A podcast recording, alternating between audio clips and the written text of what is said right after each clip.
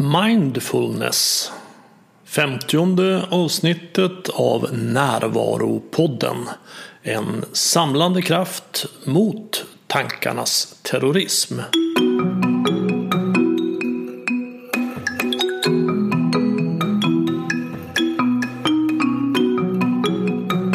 Det här är Bengt Renander och det här avsnittet är speciellt på flera sätt. För nu fyller Närvaropodden 2, 50 och 200 000 samtidigt.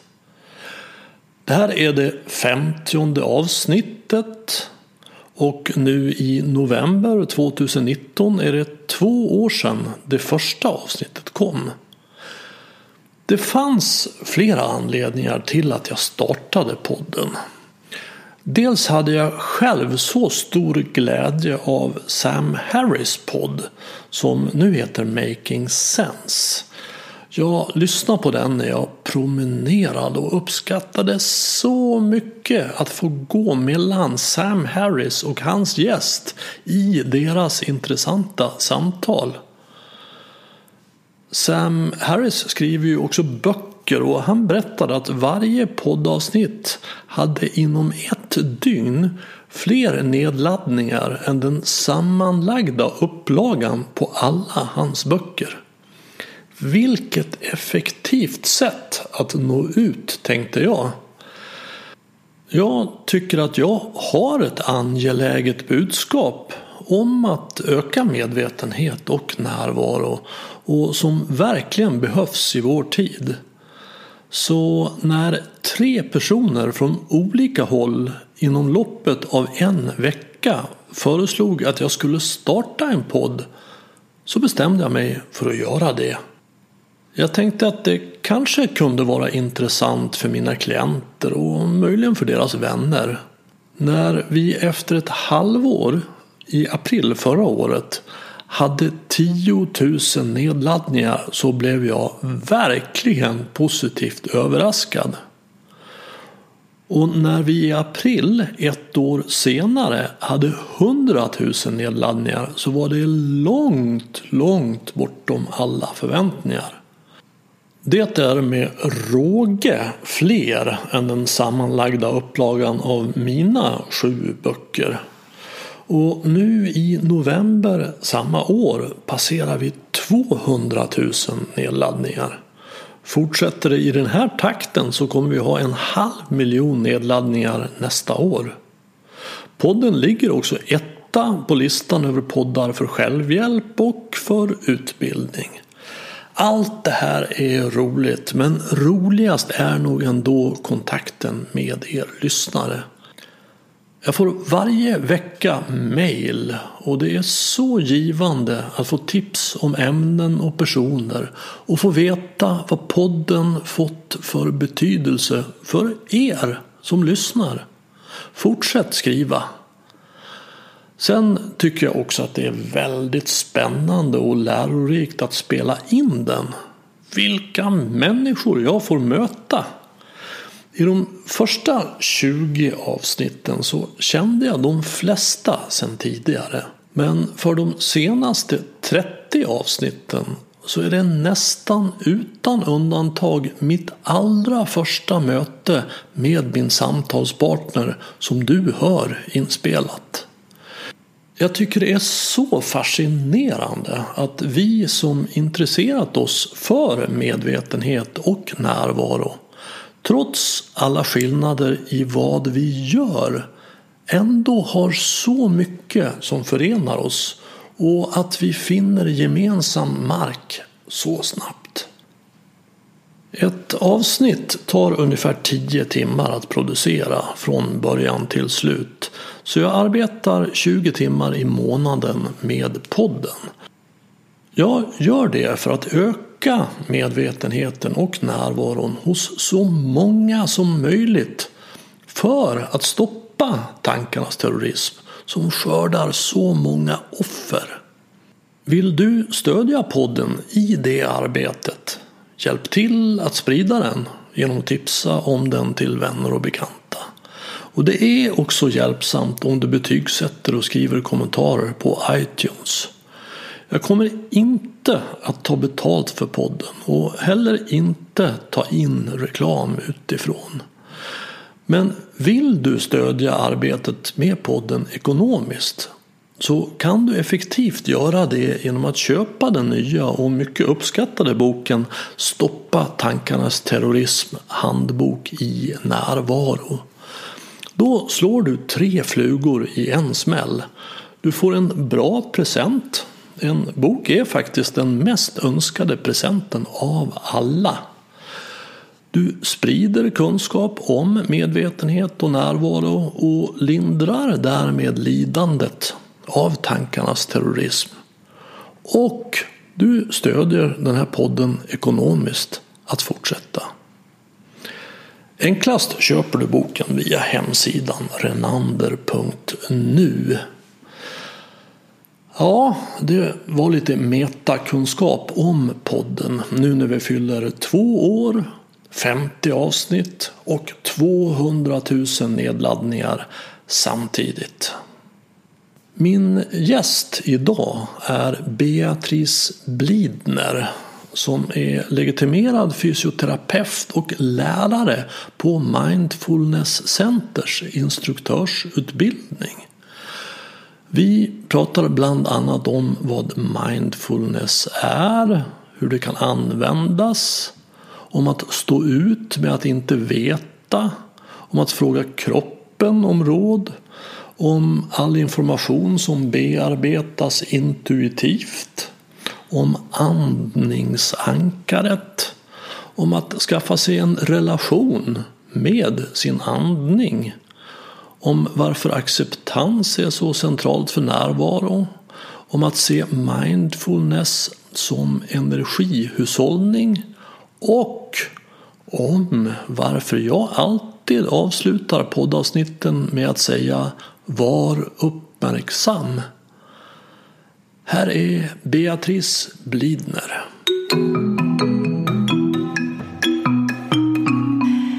Det är svårt ibland att prata om mindfulness för det måste ju upplevas. Mm. Och det där som kan kännas som magi, hur förklarar man det för andra? Mm. Mm. Ja, det är någonting som jag återkommit flera gånger till att, att, i den här podden. Att, att upplevelser mm. är väldigt svåra att förstå och att beskriva. Mm. Mm. Utan de är, går att uppleva. Det, det, är så man ska göra med upplevelser. Ja, och, och, för att få en, en, djupare förståelse av någonting så be, består det ofta dels av en upplevelse och dels av en sorts förståelse. Mm. Mm. det går inte riktigt att förklara ja, Beethovens nionde symfoni. och, och den heller inte att, att ja, jag förstår den inte riktigt. Det, mm. Förstår inte den här mm. poplåten. Mm. Kan du förklara? Vad är det som är bra med den? Och upplevelsedelen av livet, ja, det, det är ju den som är mest spännande tycker jag. Mm. Mm. Jag tycker ju äldre jag blir och mer jag förstår att, att livet är inte så mycket till att, för att begripas. Jag, jag, funderar inte mycket på livets mening i intellektuella termer. Nej, det. Utan det handlar om att uppleva det. Mm. Och så tillgängligt. Det räcker att du ger mig några ord på vägen här och landa. En mm. liten meditationsövning. Och sen är jag i upplevandet. Mm. För det är lätt hänt förstås att hamna i det här. Vad ska jag kunna tillföra den här podden? Mm. Som redan har allt. Ja. Mm. Det är ju den delen som jag kallar för smärtkroppen. Mm. Som Eckart Tolle har myntat det mm. Som hittar smärta i allt. Ja. Mm. Den tror jag är vägen till mindfulness för många. Att man upplever att jag skapar mitt egna lidande. Man blir varse om det. Mm. Eh, ibland är det ju förstås i samband med kriser och krascher och så. Mm. Eh, men någon slags eh, känsla av jag kan nog hantera det här livet på ett lite annat sätt. Mm. Mm. Det finns ett annat alternativt förhållningssätt. Absolut. Mm. Och precis att, att ingångspunkten i den här världen och mer medvetenhet, närvaro, vi kallar det mindfulness. Det är ju ofta att man har fått nog av smärta. Ja. Och blivit lite trött på sig själv. jag, alltså, jag, mm. Eller på den som man har blivit. Jag tänker att man kanske odlat sidor hos sig själv som man inte är så stolt över eller som det inte riktigt var tänkt. Mm. Så du tänker på ovanor, ah. olika former av missbruksbeteenden till exempel? Ja, det skulle det kunna vara. Men också tankemönster kopplat till ja, de här negativa tankelopar, mm. missnöjeskänsla, otillfredsställelse. Um, många som jag möter vill ha sinnesro. Mm. Liksom. Hur gör man? Mm. Mm. Hur gör man för att få sinnesro? Mm. För man har lagt märke till de här tankeloparna. Det skapar eh, oro. Ja, man kan ju bli Depression. väldigt trött mm. på sina egna tankar. Ah. Alltså gud vad det håller på. Ah. Om och om igen. Jag, jag vet och det tycker jag också är ett bra bevis på att, att vi verkligen är inte våra tankar. Utan de kommer. Det är som en radio i huvudet. Tycker jag är en, en bättre bild av tankevärlden. Ja, brus. En del pratar om bruset där uppe. Eller mm. snackemaskinen eller mm. monkey mind. Radioapparaten som skvalar. Allt det där är ju bra begrepp. Det hjälper oss att förstå. Absolut. Absolut, det hjälper oss. Just det, kan jag titta på det här på ett annat sätt? Mm går det att förhålla mig till den där radion som står och skvalar på ett annat sätt. Mm. Allt den säger är inte intressant. Nej, ganska lite. Mm. Jag vet inte hur det låter i din radio, men min radio är ganska galen tycker jag. Ja, ja absolut. Eh, väldigt många saker eh, som jag har fått kontakt med i med min meditationsträning mm. har jag ju fått förstå att det här har inte varit hjälpsamt. Det här har inte hjälpt mig.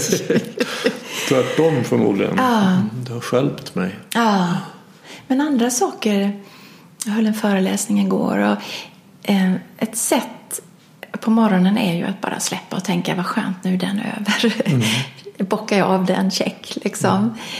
Mm. Eh, men sen kände jag ändå att jag måste reflektera över, för jag ska hålla en föreläsning två gånger till. Mm. Så det är värt liksom att lära sig av vad kunde ha blivit bättre? Mm. Vad kunde jag ha gjort annorlunda? Och varför började jag med det? Och, eh, så lite så här att eh, reflektera, analysera och lära sig av sina misstag. Mm. Det är också eh, krävs ju lite mod att göra det. Mm. För det lättaste är ju bara, just det, nu är det över och släpper jag det. Då, lär, då lär jag ju mig ingenting. Mm. Så det var lite, litet motstånd i morse att behöva sätta sig och reflektera över, mm. över den. Men det var hjälpsamt. Den typen av tankar hjälper ju mig förstås. Ja, för det är ju konstruktivt. Mm. Du, du, skapar någonting nytt. Mm. Medan väldigt mycket tankar är ju destruktiva. Alltså de skapar inget nytt. Nej. Utan de håller bara på med att tugga smärta. Ja, jag kallar det för tankarnas terrorism. Ja, det är bra ord. Tyranni brukar jag säga. Ja, tankarnas tyranni. Det är, ja. De är synonymer. Ja, ja. Jag fick mitt ord, ehm, eh, den här tankarnas tyranni, det fick jag av, jag gick i psykoanalys eh, hos en lakanian. Jag kan inte, alltså det är en psykoanalys, en, en mm. gren av psykoanalysen och de sätter väldigt stor vikt vid ord eh, symbolvärdet för ord. Sådär. Och hon sa någonting om att jag var en tyrann och min reaktion var... Att du var en tyrann? Hon sa ju förstås inte så, men jag tolkade det som eh, oj då, det var, det var jag inte liksom beredd på. Jag studsade lite när jag låg där på divanen. Men det var ju ett, ett värde i att hon sa det på det här eh, hon sa ju väldigt lite under den här psykoanalysen. Mm. Och, och, det var ju verkligen att utstå från att vara tillsammans med någon som inte ger så mycket utan mm. bara mhm. fångar upp saker. Men när hon då sa någonting så blev det ju förstås lite stort, lite laddat, affektivt mm. laddat. Och vad sa hon då? Jag kommer inte ihåg exakt men hon använde ordet att jag var min egen tyrann. Okay. Eller, ja. ja. Så att för mig blev det ju så uppenbart. Mm. Ja, det är klart. Mm. Jag är min egen tyrann ibland, inte mm. alltid förstås. Nej. Det är inte så svart och vitt. Men, Men vi människor rymmer möjligheten att plåga oss själva Ah. med tankar. ah, visst, visst, visst. Och det är, en, det är en möjlighet som vi är många som tar. Mm. Att låta oss plågas av våra egna tankar. Och, och det som du och jag har upptäckt är att det är inte helt nödvändigt att göra det. Nej, Nej, det finns ett alternativ ah, till det. det gör det. Men eh, jag tror det är också viktigt att säga att vi som håller på med och mediterar och jag, jag gör ju detta på heltid verkligen nu. Eh, man blir ju inte färdig utan den här typen av tankar som när jag gick hit. Eh, hur ska jag kunna bidra med något som du inte redan har eller så. Det är ju en tanke som dyker upp. Mm-hmm. Eh, och som jag har hittat förhållningssätt till. Det är inte så att den slutar komma. Utan mm, rädslan för att inte räcka till finns ju där ändå. Absolut. Nej, men Mm. alltså, det, har- det projektet har jag gett upp för, för många år sedan. Att, att styra mina tankar. Mm, För att de håller på. Ja, Det är och att jag brukar verkligen tänka det och säga det också att de är helt galna. Jag är, min tankevärld är galen. Så att när jag glömmer bort att det är tankar och förväxlar det med verklighet då blir mitt beteende galet. mm, absolut. Och, och det har jag sett i mitt liv. Jag har betett mig tokigt i, i, i många sammanhang. Men när jag vet att det är tankar, alltså att jag kan gå till en plats i mig som vet att jag tänker, som kan bevittna de här tankarna. Alltså när jag vet att jag är galen, den platsen är inte galen. Nej, just det. För det är sant att jag är galen. Så den är klok. Så kan jag flytta då mitt beslutsfattande liv, mitt centrum i livet till den positionen.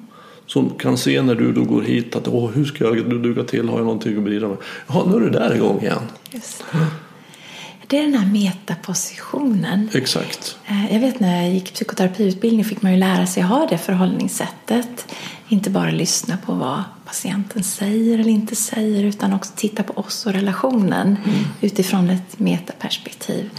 Eh, Det vill säga vad händer med mig när jag sitter i samtal med den här personen? Ehm, Och de laddningar som uppstår. Om jag har någorlunda koll på mig själv så kan det också hjälpa mig att förstå patienten. Vad är det för drama som utspelar sig i rummet?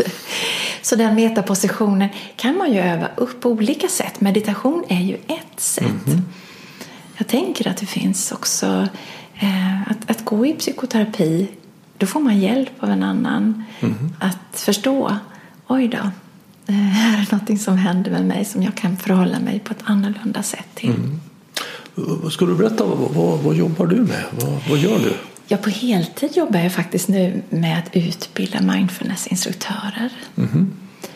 Ehm, ja, på olika nivåer. Både, vi kan ha en grundutbildning, jag jobbar på Mindfulness Center, mm. är anställd där på heltid.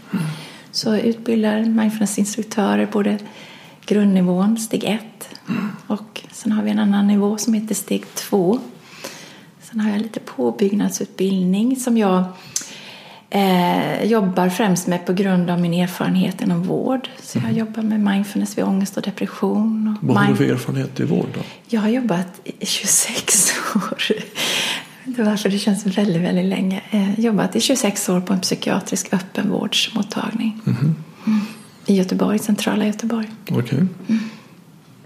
Och varit med om eh, stora förändringar inom psykiatrin. Eh, de 26 åren känns ju otroligt innehållsrika. Eh, omvälvande. Jag kan aldrig påstå att det någonsin gick att jobba på rutin. Det var ingenting som...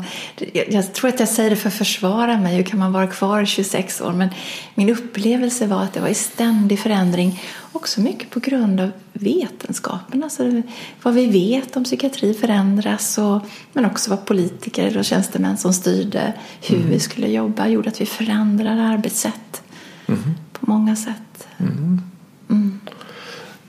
Och nu utbildar du då mindfulnessinstruktörer. Ja.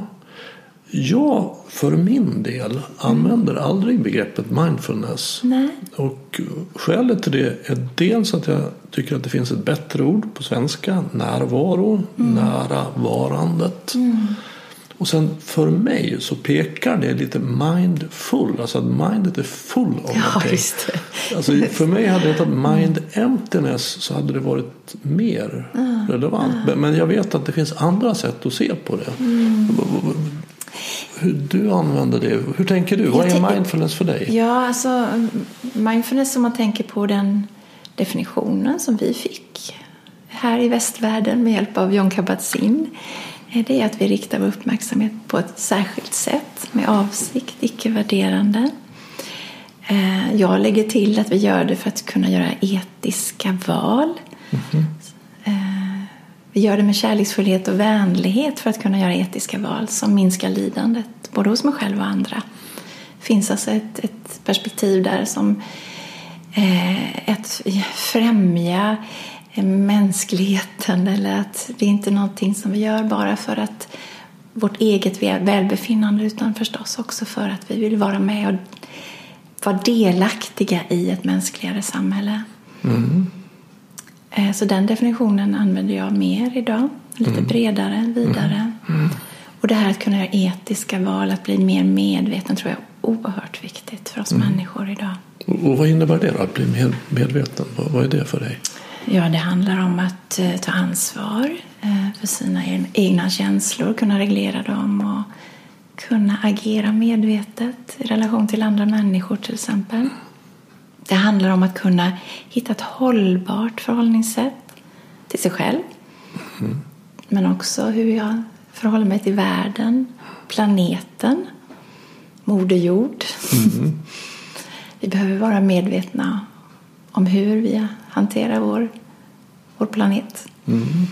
Eh, vi behöver förstås eh, lära oss av våra misstag, kunna be om förlåtelse. Vi behöver kunna tala och uttrycka oss på ett sätt som inte skadar andra.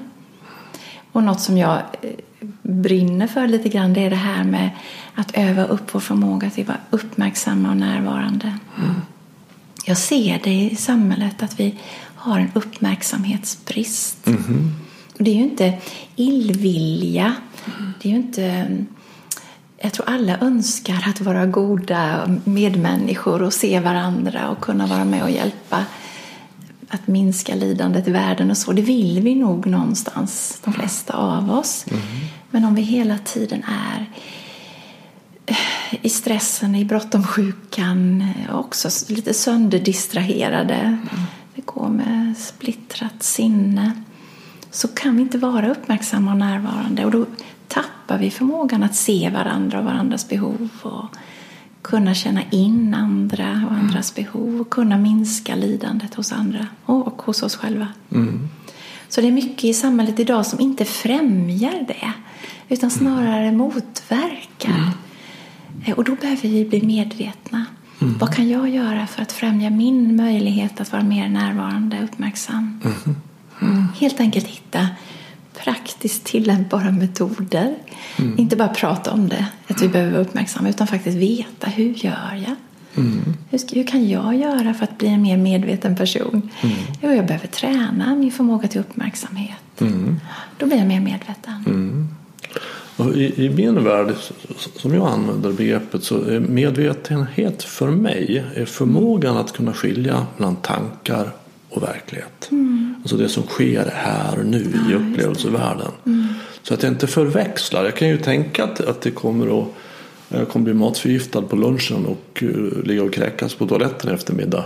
Och bli jätteorolig för det. Ja, Att det kommer att hända. Men och, om jag är omedveten. Jag kan, jag kan ju tänka väldigt mycket saker som kan komma att hända och bli väldigt rädd och få fysiska påslag. Men när jag vet att det är en tanke. Så jag kan skilja det. Det är vad som utspelar sig i min tankevärld nu. Men det, sker in, det, det här sker i verkligheten och jag kan skilja på de två. Jag är alltså medveten om vad som sker i tankevärlden och vad som sker i upplevelsevärlden. Det är medvetenhet för mig. Ja, en del pratar, ja precis, jag håller med dig, absolut. Eh, Den här förkroppsligade självmedvetenheten, den mer direkt upplevda, skiljer ju sig från den här simulerade eller mer konceptuella självmedvetenheten. Tankar om saker, mer, vi hamnar i berättelsen om saker och ting. Mm, verkligen. Simulera det är väl för att här blandar vi ihop det med så mycket annat vi varit med om i livet. Och, ja, våra olika värderingar och åsikter och erfarenheter. Och, Jo, för det gör vi. Vi går och berättar mm. den tragiska berättelsen ja. om mitt förflutna och den tragiska berättelsen ja. om mitt framtid. Och sen börjar vi må dåligt över att, att det är så tragiskt. Ja, precis. Och jo, men vi har, jag, jag har varit där. Mm, jag med. Ja, absolut. Jag, jag upplever det som en enorm frihet. Enorm, alltså avprogrammerat lidande. Avprogrammerat lidande kan man mm. säga så. Att jag har möjlighet att välja. Mm. Det är en fantastisk skillnad Verkligen. till att känna sig offer. Mm. Och för att kunna göra det så behöver vi odla det som du är inne på, vår mm. uppmärksamhet. Mm. Jag avslutar varje poddavsnitt med att säga så här, var uppmärksam. Ah, ah. Och det gör jag för att, att vara uppmärksam på Kommer dina känslor ifrån tankevärlden eller från mm. verkligheten? Mm. Är jag ouppmärksam så dras jag så lätt in i tankevärlden och tror att den är verklighet. Ja, och den är ofta ganska tragisk eller skrämmande berättelser om att jag kommer inte ha något att tillföra i den här podden. Gud, hur ska det här bli? för tänkandet kan ju verkligen vara bra verktyg för att lära sig av det förflutna och mm. Mm. fatta beslut om vad man ska göra i framtiden. Men de kan ju också leda oss väldigt fel. Mm. Jag brukar tänka att tankarna är som en sorts hög rockmusik som spelas i huvudet och är så påtaglig. Mm. Men om vi kan få tyst på den så vad som finns där under är någon sorts stilla fågelsång som finns där hela tiden men som vi inte hör eftersom det är så hög volym på rockmusiken. Och den stilla fågelsången är vår intuition. Mm. Mm. Vi, vi, för vi får väldigt, väldigt mycket information. På ett, vi, vi är ju flockdjur. Mm. Och den här intuitionen är ju utvecklad i hundratusen, miljontals år. Mm. Så att om vi bara får tyst på det vi tänker eller inte fäster så mycket uppmärksamhet vid det i alla fall så känner vi in väldigt mycket. Mm. mm. Alltså bara vi öppnar dörren här och så ser vi varandra på mm. två, tre sekunder så har vi väldigt mycket information mm. om varandra, om mm. vårt möte. Ja. Direkt. Men om vi håller på och tänker, och gud jag kommer nog inte kunna bidra till den här podden, ja. så, så, känner vi inte in det. Nej. Så det är en, en väldigt, väldigt tillgång att kunna gå till intuitionen. Men intuitionen kan också leda oss fel. Ibland är det väldigt svårt att skilja på intuition och rädsla. Ja, mm. Absolut. Ehm, jag tänker de här gamla kostigarna vi alltid trampar, vi gör saker som vi alltid har gjort. Det finns mm. fler uttryck. Gå mm. på i sina ullstrumpor, gå på autopilot. Ja. Eh, det är ju inte att följa sin intuition utan det är att gå den bekväma vägen och göra som man alltid har gjort. Mm. Och där kan vi behöva stanna upp och ifrågasätta varför gör jag alltid på det här viset? Och där precis som du säger, ofta är det ju rädslor som styr oss och att vilja komma ifrån obehag, mm. eh, slippa känna det som är jobbigt. Mm. Eh, så att stänga av kroppen till exempel kan ju vara ett, ett, en strategi jag har haft i livet. Mm. Det är en vanlig strategi. Ja. Det, det händer ofta att, att jag frågar en klient hur känns det i kroppen? Ja, det gör jag också. Ja, och de tittar på mig så här. Ja. Det, jag skulle lika gärna kunna fråga vad händer på Jupiter? ja, men det får jag lov att säga då eftersom jag följer många i den här processen. De kommer och går instruktörsutbildningar hos oss och en del kommer, jag ska inte säga från gatan, men en del är väldigt målmedvetna och vet precis vad de ska göra med sin instruktörsutbildning. Liksom. De kanske redan jobbar med mindfulness och behöver bara liksom få det lite mer strukturerat och få material och kunna tillämpa kanske på en vårdcentral och sådär. Eh, men en del liksom vill jobba med sig själva och så har de googlat runt lite på nätet och så hamnar man på en instruktörsutbildning. Mm. Och det, som det är ju ännu häftigare för där ser man ju verkligen Eh, den här processen. För de får ju öva själva förstås och det är inte alla som har fattat det heller när man kommer på en utbildning. Oj, ska jag träna själv? Mm. Liksom. Det är inte en teoretisk eh, kurs Nej. förstås. Utan det är en förmåga, närvaro. Ja, ja, absolut. Det är en förmåga. Det är bra att komma ihåg det. Så som alla förmågor så behöver man öva upp den. Ja. Och ju mer man övar desto bättre blir man på det. Ja. Och det händer, alltså de, de övar i åtta veckor dagligen då, mm. 20 minuter om dagen övar de. Mm. Och sen så ramlar saker, alltså poletten ramlar ner och det är, just, det är spännande att följa. Mm. För det är ofta liksom och jag kan ju känna igen det när man kommer hem till sig själv, känslan. Eh, alltså en känsla av att möta sig själv på riktigt. Mm. Inte så att man går kurs och lägger på nya saker utan snarare att man skalar bort saker så att man, okej. Okay. Mm, det var ju det som hände här i början. Ah. När vi satte oss ner och gjorde meditationen. Ah. Och då sa du att Huh, vad fort det gick. Jag kom ah. tillbaka. För du har tränat mycket. Ah. Så din förmåga att gå ifrån dramat att jag inte har någonting att bidra med i podden till att poff, nu är jag här. Mm. Det gick väldigt, väldigt fort för dig. Ja, det gör det nu. Ja, det gör det nu. Mm. Och det är ju frukten av träning. Ja, det är det. Annars så kan det ju ta en vecka innan man går ur ett drama. Och det är en väldig skillnad på att vara rädd i en vecka mm. än att vara det i en minut. Det är en väldig skillnad. Absolut. Och jag, jag, alltså för mig är det att jag sätter mig i meditationsställning. Så om jag ska hålla föreläsning, som jag gjorde igår kväll, då, då sätter jag mig. Jag hittade en pianopall som jag kunde sitta på rätt bra där. Och så sätter jag mig och så säger jag till liksom, de som är där att nu, nu kommer vi börja med meditation. Mm. Och det är ju lika mycket för min egen skull. Och sen är det ju mm. att jag vill att de ska vara uppmärksamma. De har ju med sig så mycket mm. efter en lång dags arbete och så. Men det är också för min egen skull. Absolut. För jag kommer in, alltså, det räcker nästan att jag hör det här ljudet från mina egna klockor. Mm. Så, så kommer jag ju in i det här. Mm. Det, det jag skulle också vilja dela med mig, för det har varit ett så viktigt verktyg för mig det är eh, mitt andningsankare. Inget märkvärdigt. Alla som mm. sysslar med mindfulness vet vad jag pratar om. Men är alltså att jag tar kontakt med min andning. Okej, okay. och hur gör du det då? Eh, alltså, det är nästan som att jag inte kan beskriva det längre för det är så självklart mm. för mig. Alltså det är i princip när jag vaknar så är jag där. Jag följer mina andetag. Så du riktar din uppmärksamhet mot de fysiska förnimmelserna som är kopplade till andning om jag skulle uttrycka mig något fyrkantigt. Nej, det var inte fyrkantigt. Det var precis så, ja. så jag gör. Alltså förnimmelsen av ett andetag. Mm. Och jag har ju övat upp min förmåga att förundras mm. över det här. Mm. Jag tycker det är spännande. Mm. Det är något jag försöker förmedla på mina utbildningar. Det här är ju helt fantastiskt, det här mm. andetaget. Och jag har, det låter kanske lite spooky, men jag har skaffat mig en relation till min andning. Mm. Som att den är min följeslagare. Mm. Det är en, en välvilligt inställd vän jag har som jag kontaktar när jag vaknar på morgonen. Wow. Ja, det är faktiskt wow. Eh, den är med mig eh, från jag vaknar tills jag märker att oj, nu ruschade jag för mycket här. Ja, just det, nu ska jag äta min frukost i lugn och ro. Mm. Och så tar jag några andetag. Mm. Och sen äter jag min gröt lite mer medvetet. Mm.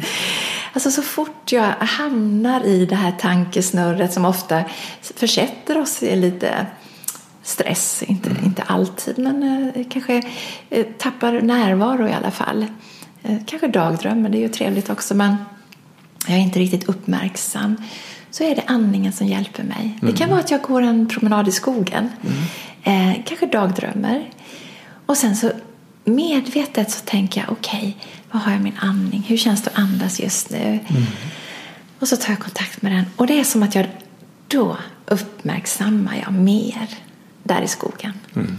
Så då, ja just det, det är, det är det här jag går i. Det är mm. de här skiftningarna som pågår just nu. Eh, träden och löven. Och så. Jag kan till och med se löven som faller nu. Mm.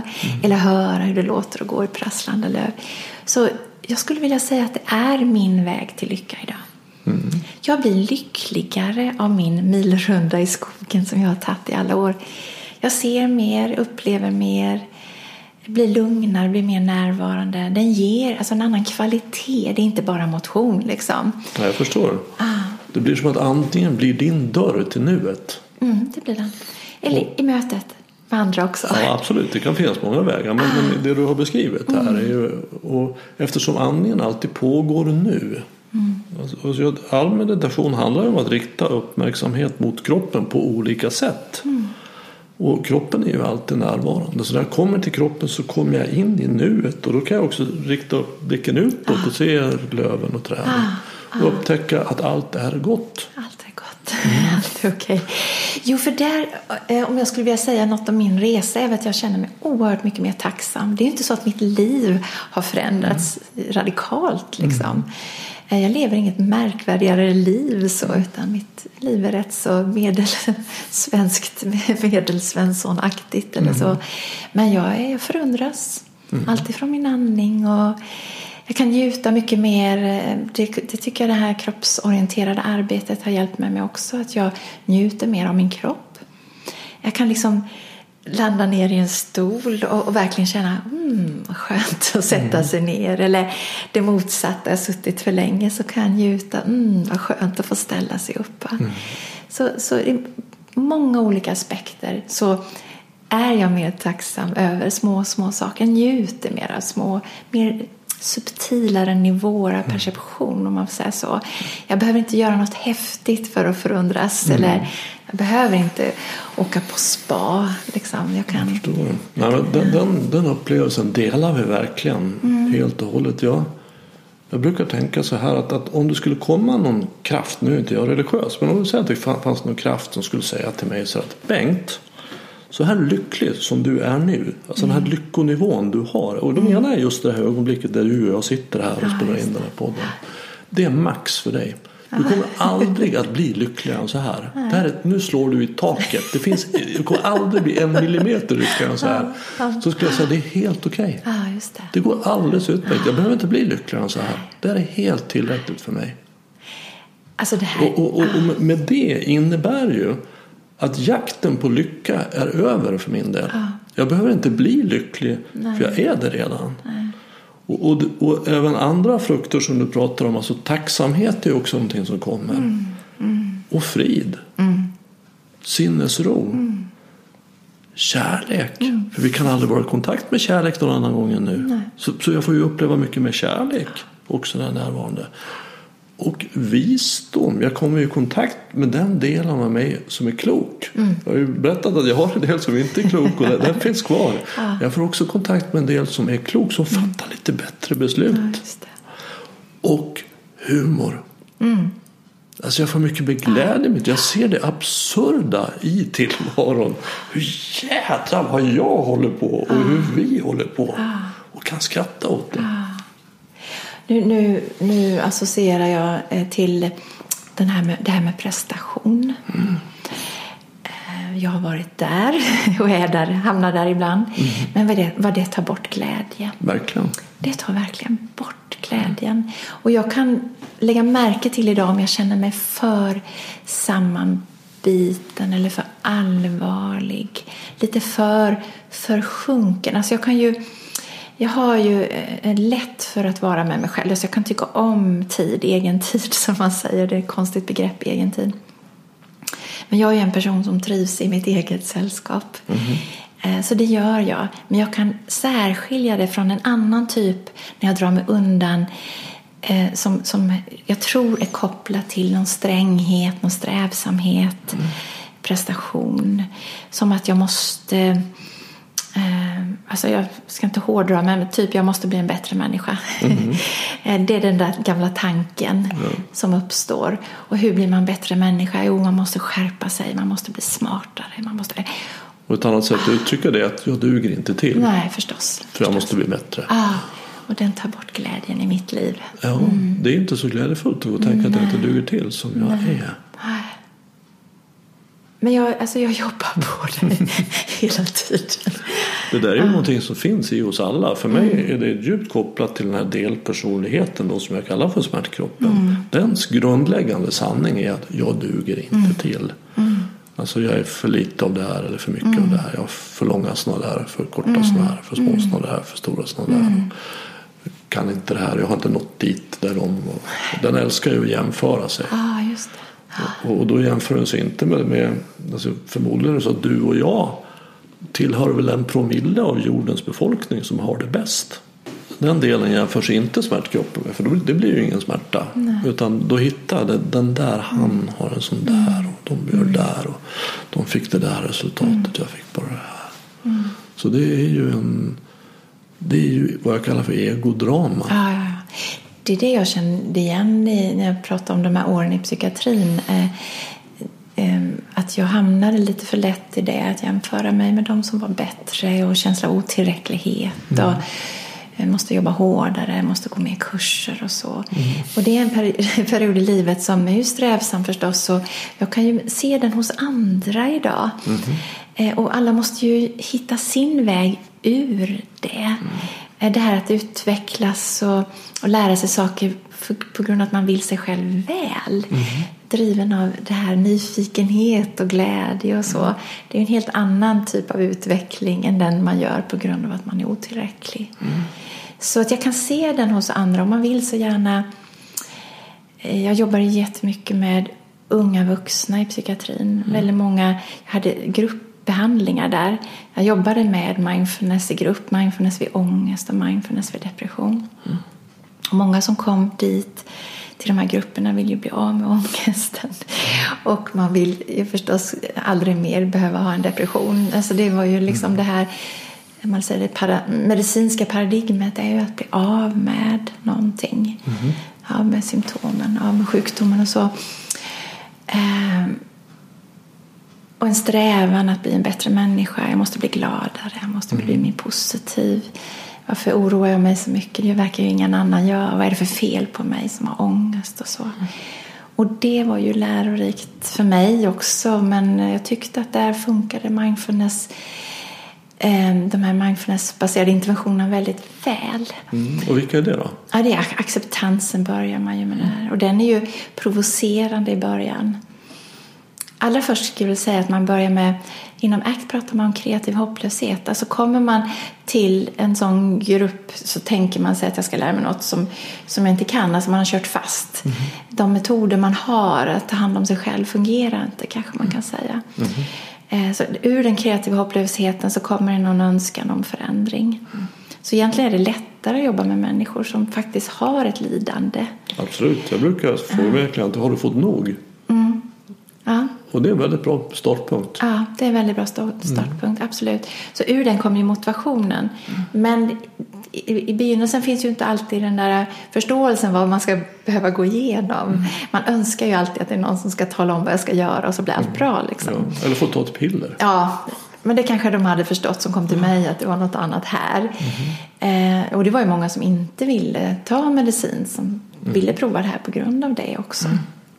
Men eh, egentligen ville alla gå i individuell psykoterapi men det kunde ju inte alla få. Mm. Så jag mötte också väldigt många patienter som, som, som fick det här för att det inte fanns något annat att erbjuda. Mm.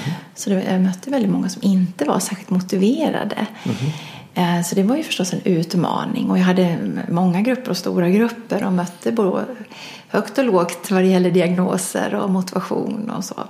Men om jag ska börja från början igen så var det det här med kreativ hopplöshet eh, som kanske är startpunkten, ett slags motivation i alla fall. Jag kan inte gå på i gamla ullstrumpor längre, jag måste hitta ett nytt förhållningssätt. Mm. Och så kommer acceptansen in där. Och, och, det fick man jobba med mycket. Vi gör ju det i meditationerna, att möta oss själva och se om vi kan vara med det som är. Mm. Eh, acceptansen är ju en villighet att möta. Mm. Oavsett vad det är. Och för att kunna göra det så behövs det finnas en trygghet. Så vi jobbar ju mycket med att ha ett tryggt klimat i gruppen, tillåtande mm. klimat. Mm. Hur ska man kunna vara villig att möta sin ångest eller hur ska man kunna vara villig att möta de här depressiva tankegångarna om inte man kände sig trygg. Mm. Det är baserat på insikten att det som drar bort närvaro mest av allt är rädsla. Ja, ja. Så det var väldigt viktigt med tillåtande klimat i grupperna och känna att man är okej okay som man är. Mm. Så det, och, och, jag tror att jag hade ett förhållningssätt till dem som skapade trygghet. Mm. Det var otroligt viktigt, mycket viktigare än vad jag sa och gjorde. Liksom. Det var inte tekniken och metoden som var det viktiga utan det var ju en känsla av att bli inbjuden i någon slags gemenskapssammanhang. Alltså grupp är ju fantastiskt på det sättet att jag mhm. är inte ensam och känna mm. så här utan vi är många. Mm. Så, så det var väldigt, väldigt mycket att liksom uppleva det här allmänmänskliga i de här draman som de hade i sina liv. Så själva acceptansen var ju steg för steg en långsam process att vara villig att möta det som är svårt. Och för att kunna göra det behövde man ju lite tekniker. Alltså vad gör jag om ångesten är för stark? Hur kan jag gå in och ut ur en meditation om det blir för mycket ångest till exempel? Ehm, den här hitta den inre lite mjukare rösten till sig själv. Mm. Att till och med så här handfast lägga en hand på bröstet. Att vi hade mycket självmedkänsla som hjälp för att kunna nå acceptansen. Mm. Så det, det, som hindrar oss att möta verkligheten som den är är ju bland annat att vi är stränga mot oss själva, dömande mot oss själva. Så hur ska man kunna möta sin inre sårbarhet om man är så sträng och hård mot sig själv? Mm. Så det här hänger ju ihop. Processen är ju rätt så komplex med trygghet, eh, också motivation att göra det här ökar ju vår förmåga att faktiskt möta det som är svårt. Mm. Och sen metoder hur man kan stärka självmedkänsla som hjälper oss att också då acceptera verkligheten som den är. Att möta sig själv som man är med allt det här jobbiga, svåra. Acceptans är ju en av de mest missuppfattade greppen tycker jag i den här utvecklingen. Om jag accepterar det så, så jag kan bara acceptera sånt som jag tycker är bra. Alltså att sånt som jag vill ska hända. Mm, mm. Och, eh, och det andra är att, att om jag accepterar något så kan jag inte göra någonting åt det. Mm. Men det är två missuppfattningar. Mm. För att, att, acceptans handlar om den mycket, mycket självklara insikten om att allt är redan som det är. Ja. Och, och, jag skriver om det här i, i, i min senaste bok. Här, att, att det, jag, jag, kan nästan känna mig generad över hur enkelt det är, det jag mm. förmedlar. Alla vet det. Mm. Allt är redan som det är. Ja, och att kämpa emot det som redan är som det är är totalt meningslöst. Mm. Varje kalori jag kommer att lägga ner på den kampen är totalt förödad. Mm.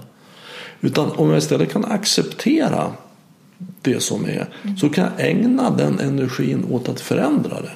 För att, att jag accepterar att det är som det är innebär inte att jag inte kan förändra det. Mm. Utan istället säga okej, okay, vad gör jag med det här? Mm. Mm. Och det är ju en kreativ, konstruktiv fråga. Som du när du sitter där efter föreläsningen. Vad hände här igår? Okej, okay. ja, vad gör jag med det här? Jag kanske ska prova att göra så här istället. Ja. Och så ser jag det där där och så börjar jag så där istället. Ja, bra.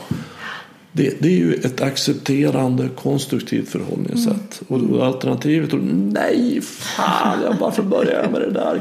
Gud, jag skulle, nej, åh, dåligt. Och de tycker säkert att det var jätte, jag bara hittar på här. Men, det är så det ser ut, jag kan hämta ifrån mig själv. Ja, acceptansen att vara villig att möta livet som det är, sig själv som det är, handlar ju också om att släppa föreställningar och förväntningar om hur livet borde vara. Va? Mm. Och där kommer vi återigen till det här om man har perfektionistiska drag eller höga krav och eh, en förvanskad fantasibild av vad livet är. Eh, mm. Och det, det tycker jag det är fantastiskt att möta andra människor som jobbar eller liksom övar mindfulness eller det som du gör. Mm. Att vi blir lite mer medvetna om att det här, det här det är livet som pågår. Liksom. Det ska inte vara på något annat sätt. Nej. Det är det här som är livet. Ja. Och, och, med all den tillkortakommande eller den här ofullkomligheten. Och behöver inte låtsas längre att vi är, har koll på livet eller att vi är några andra. Utan det är ju en fantastisk möjlighet att hitta inom eh, psykoanalysen och så pratar man mycket om det sanna självet och så. Det autentiska jaget. Mm. Eh, och, och det är då det uppstår sinnesfrid eller mm. sinnesro.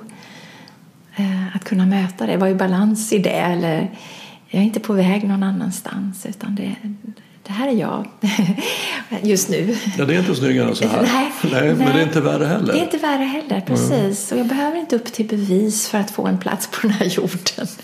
Jag behöver inte. Mm. Men samtidigt handlar det ju inte... Eh, det finns ju en, en kraft i att inte lägga onödig energi på att försöka vara någon annan. Alltså vi får ju massa energi över mm -hmm. när vi bara är utifrån oss själva. Och när vi då hittar på djupet av oss själva, till exempel tänker jag det här med värderingar. Vad är verkligen viktigt i mitt liv? Det får jag ju mm. kontakt med när jag mhm. slutar försöka vara någon annan eller springa på alla andras mm. bollar eller försöka vara till lags ja, vad det nu är förväntningar utifrån eller inifrån. Utan jag kan börja, börja med den här plattformen, ja men det här utgår jag ifrån, mitt sanna själv kanske. Då får jag ju så mycket mer energi över till att faktiskt också gå i någon riktning som jag själv väljer. Mm.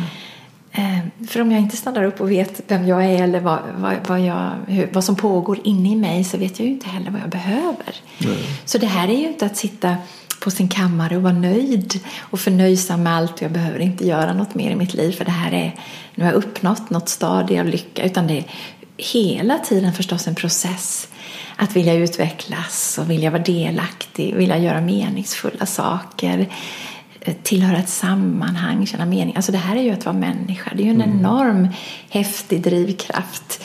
Ja, ibland så tänker jag mig det som att det här vi håller på med, närvaro och mindfulness, att, att det egentligen handlar om energihushållning. Ja, alltså var lägger jag min ja, energi? Precis. Lägger den på att vara emot det som har varit, det som ska komma och det som är. Mm. Det tar mycket energi.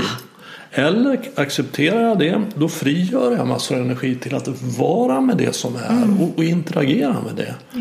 det. Ett annat sätt att se det är att, att skifta i dansen med verkligheten från att jag ska vara den som för och mm. verkligheten ska följa.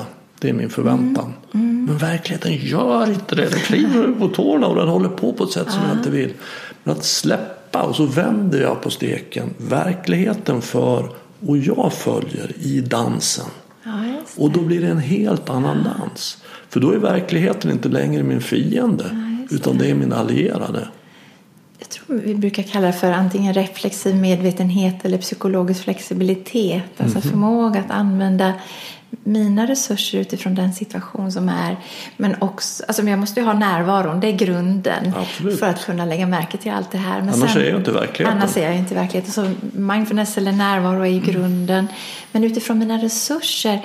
Men jag behöver också ha lite koll på mina värderingar. Vad är viktigt i mitt liv mm för att kunna göra lite mer medvetna val som, som är gynnsamma för mig, alltså som ökar mitt välbefinnande mm -hmm. men också som jag alltid vill lägga till, som inte heller skadar andra. Va? Mm -hmm. Det handlar ju inte om någon egoistisk väg i livet utan är, mm. vi vill ju alla vara delaktiga på ett sätt som, som är hjälpsamma både för mig och andra. Va? -hmm.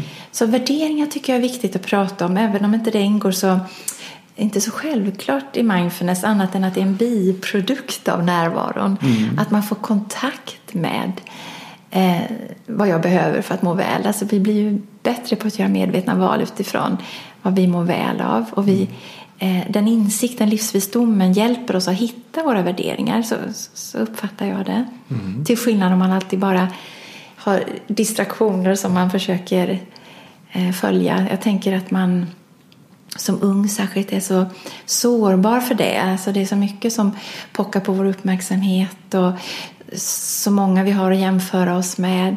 Vi tänker globalt idag. Vi har ju mm. tillgång till det med hjälp av våra sociala medier och så. Och det blir svårare och svårare att hitta vad är viktigt för mig mm. egentligen? Mm. Vad vill jag? Det har någon slags eh, på gränsen till fördummande effekt för att vi kommer bort från att jobba utifrån våra egna resurser, vad vi är bra på. Vad, vad, vad, vad skulle jag kunna bidra med till i den här världen som verkligen utgår från mig? Eh, men om man hela tiden försöker anpassa sig till det här, eh, alla intryck vi får utifrån, så, så, så tappar jag bort mig själv. Mm. Och då mm. tappar jag bort mina resurser som jag skulle kunna använda kanske på ett bättre sätt. Mm. Så upplever jag i alla fall då när jag hittar min väg. Mm. Att nu gör jag någonting som jag är bra på. Mm. Som, som, som, som jag vill göra. Som mm. ger mig den här vitaliserande effekten, energin. Men som också världen behöver. Mm-hmm. Eh, wow, alltså det, det är en häftig känsla. Mm. Det är en riktning jag kan fortsätta följa. Liksom. Det är ju en viktig komponent i att, att vara lycklig. Så tror jag att det finns ingenting som ger lycka så mycket som att få bidra till andras lycka. Nej. Så att eh, för vad som sker när man blir mer närvarande är ju då att rädslan blir inte längre en så bestämmande faktor i livet.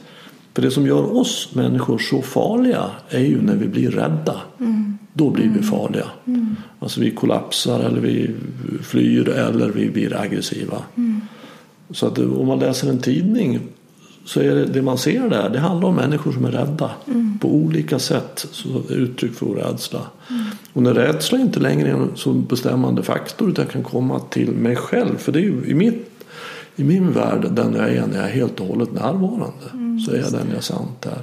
Så är rädsla inte längre den bestämmande faktorn utan snarare vad vill jag själv? Ja, ja. Utifrån ett, ett, ett sannare djup. Och det är ju väldigt sällan att åka iväg och, och slakta någon eller skjuta någon eller slå någon.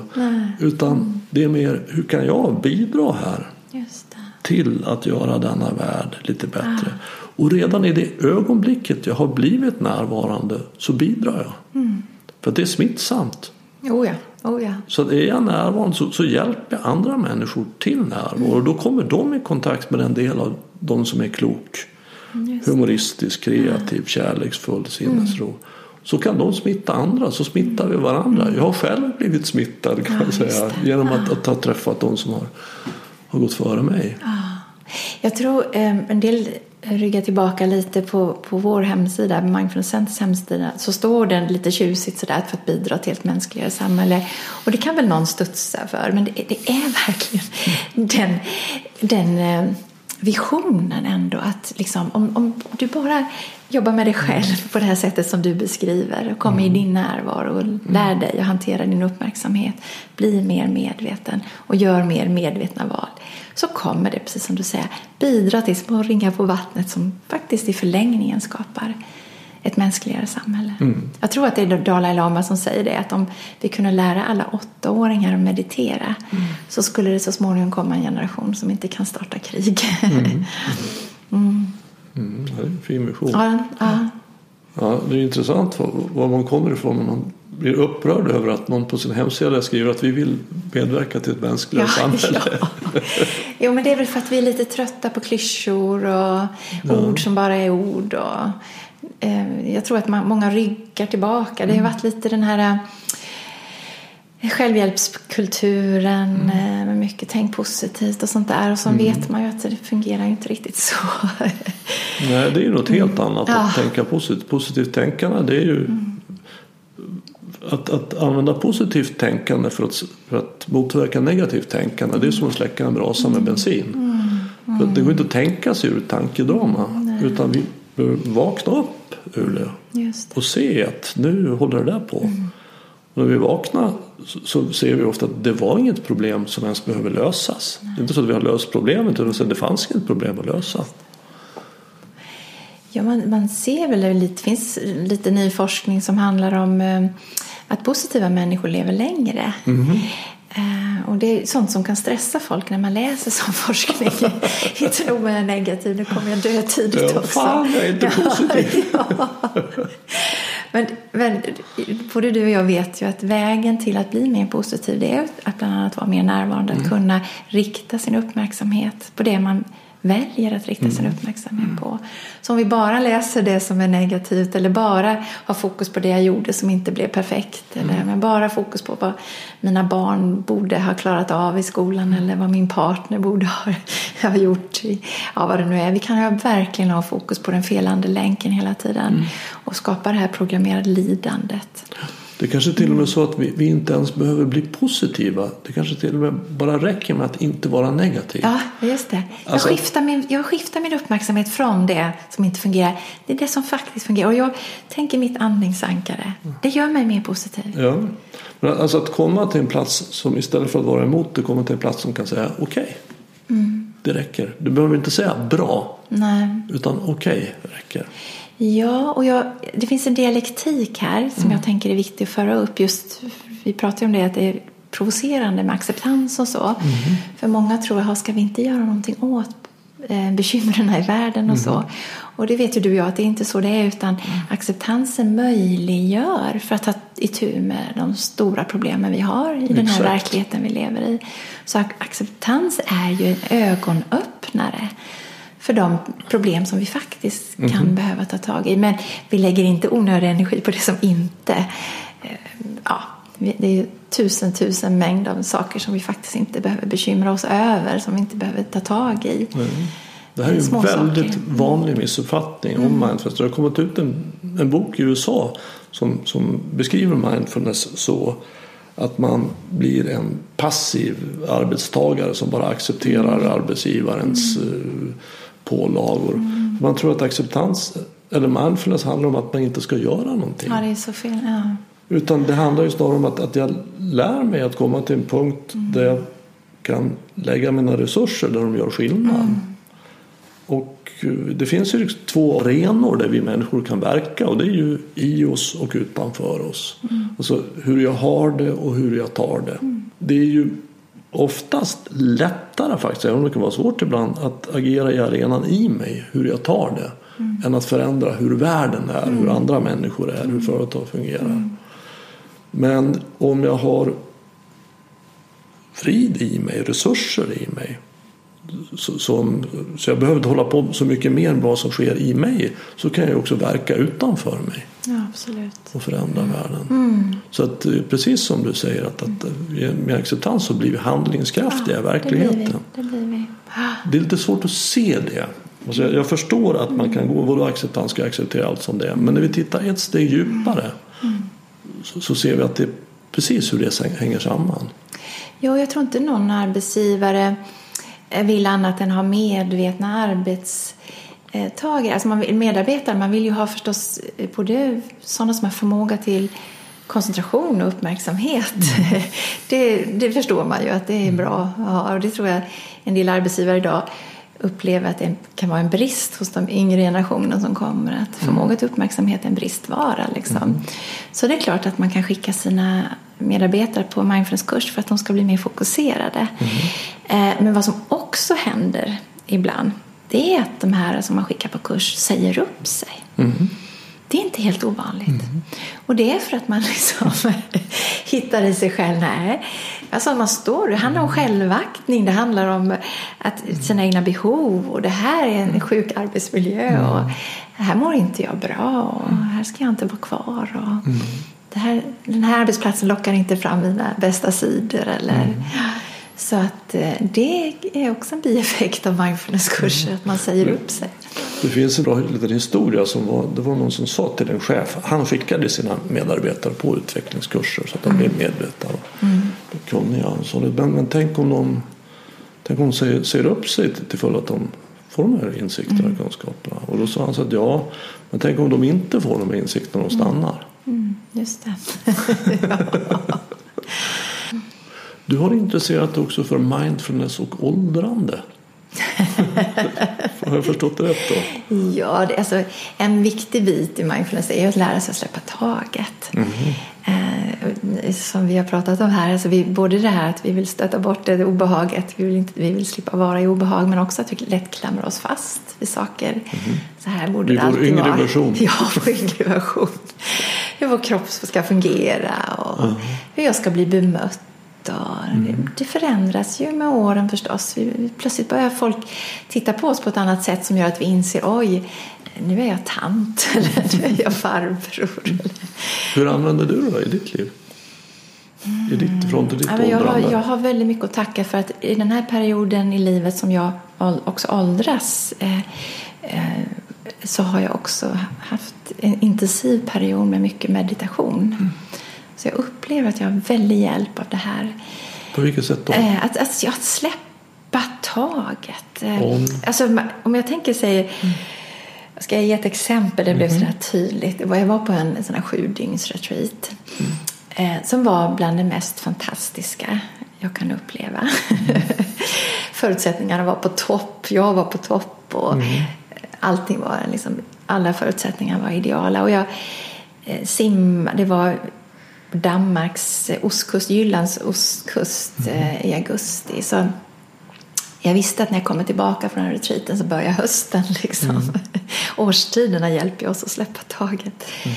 Men det var den där perfekta simturen. Eh, visserligen jag vet att jag fick kryssa lite mellan brännmaneter men känslan var så här, det här är lycka. Mm. Sju dygns tyst retreat, mm. sista eller näst sista dagen. Eh, jag var, jag var så i balans, så välmående. Otroligt närvarande med alla mina sinnen. Det var en väldigt sinnlig mm. retreat. För det var den där sanden och havet och mm. en otroligt vackert buddhistiskt tempel som den här retreaten var. Allt var verkligen... Eh, och när jag simmade så tänkte jag så här nu ska jag släppa taget. Mm. Nu ska jag inte klamra mig fast. Nu ska jag släppa taget. Eh, nästan så att jag gjorde det med simtagen. Jag vet inte om du förstår, mm. men en ren fysisk upplevelse. Mm. bara det här simtaget. Och det var lite så att jag dröjde mig kvar. Du vet, hur länge kan man simma här mellan brännmaneterna? Mm. Och jag, jag, vet också att jag tänkte tanken att kanske är det en brännmanet som får mig att, att vakna upp ur den här mm. känslan av att livet är precis som det ska vara. Mm. Så själva övandet är ju inte att komma till den punkten att livet är perfekt utan också kunna släppa taget om att det mm-hmm. är inte. Mm. Det kommer inte fortgå så. Mm. Utan det kommer tillbaka, det blir höst och det blir mycket arbete kanske. Och Absolut. Jag har haft andra, inte så stora prövningar utan rent alldagliga prövningar som att släppa taget om en älskad pappa mm. som dog. Mm. Släppa taget om ett älskat barndomshem som mm. såldes. Och det här är Alltså jag har haft sån nytta av... Jag har haft en mentor som är en buddhistisk mentor. Mm. Som jag vet, jag läste även den här boken om tibetanska livs och dödsboken. Mm, i samband med, den. Ah, den mm. var fin att läsa när min pappa dog. Eh, det har hjälpt mig alltså, att se det, att det kan vara vackert och, och, och sorgligt på samma gång. Och att kunna släppa eh, trygghet. Min pappa var väldigt mycket trygghet för mig. Så mm. att släppa taget. Jag hade en väldigt fin upplevelse. Jag var i Himalaya här i augusti. Wow. Och uh, gick upp i berg uh. högt upp och så satt jag och mediterade. Och när jag satt och mediterade slutade jag suttit kanske en halvtimme. Mm. Så var det som jag hade en upplevelse där jag låg på min dödsbädd. Uh. Att nu kommer, alltså, nu kommer jag att dö här inom loppet av en kvart, 20 minuter. Mm. Det var inte alls att jag hade någon, några fysiska förbindelser. Att jag trodde att jag, men jag, jag, jag satte mig in i det där. Och nu ska jag dö. Och jag såg tillbaks på mitt liv och kände mig så lugn. Mm, det, var, det var helt mm. till fyllest. Mm. Alltså, jag var så glad och nöjd och tacksam med mitt liv och det har verkligen inte alls varit smärtfritt. Nej. Men jag var så tacksam över att jag fått leva så, så helt och fullt. Och att jag var så färdig att dö. Och att det var så ah. odramatiskt och så naturligt. Och det där satte ett djupt spår i mig. Mm. Alltså det var så fint att få vara mm. med om att, att det går att dö så. Mm. mm. För att själva döden, alltså det som har hänt e- efter att jag har dött, det, det är jag inte ett smack rädd för. För att jag kommer till samma plats som det nu finns en sån plats där jag var innan jag föddes. Mm. Och då led jag inte. Mm. Men själva döendet kan man ju vara rädd för. Att det är förenat med mycket smärta och ångest för att dö. Men det, det tog bort det. Ja, eh, jag, jag förstår dig. Mm. Jag förstår den upplevelsen mm. och jag tror att vi många längtar dit och så. Ja, det ska jag inte säga jag. Jag är det här med dig nu. Jo, men att, bli, att få den sinnesfriden, ja, totala absolut. sinnesfriden, den tror jag vi längtar till. Jag kunde uppleva att jag hade den i samband med min pappas död. Mm. Jag har varit vid andras döende människors sida, exakta dödsögonblicket. Mm. Och jag, jag vill påstå att dödsögonblicket för mig har varit något som är vackert. Mm. Jag, det är två stycken som har lämnat mig som betytt oerhört mycket för mig. Och jag kan inte säga att det är skräck och förtvivlan utan det är någonting som händer som är stort. Ett stort ögonblick. Mm som, som jag för två barn. Och det är jämförelse. Mm. Att, att, ge liv och att släppa taget om ett liv. Liksom. Mm. Mm. Släppa taget är en viktig sak. Exakt, just det, det begreppet släpp mm. taget. Mm. Det heter första kapitlet i min ja, det gör det. Ja. Att, ja. att så mycket smärta som kommer ur att vi håller fast i sådant som är dött. Mm. Fastklamrandet. Ja. Och kunna lära sig att släppa taget och gå med det mm. som är. Alltså att följa i dansen med verkligheten. För allting är ju föränderligt. Mm. Allt förändras. All, allt kommer att dö. Alla kommer att dö. så vi känner. Ah. Och eh, så är mm. den här verkligheten mm. konstruerad. Och att istället för att kämpa emot det, det borde vara annorlunda. Mm. Så går jag med det. Okej. Okay. Och då, då kan det bli någonting som annars skulle kunna bli väldigt traumatiskt kan till och med bli något vackert. Mm. Ja, det är en fin erfarenhet. Men man kan uppfatta det som vackert. Ja, det kan bli vackert. Ja. Tack för att du kom hit. Ja, tack. Tack själv.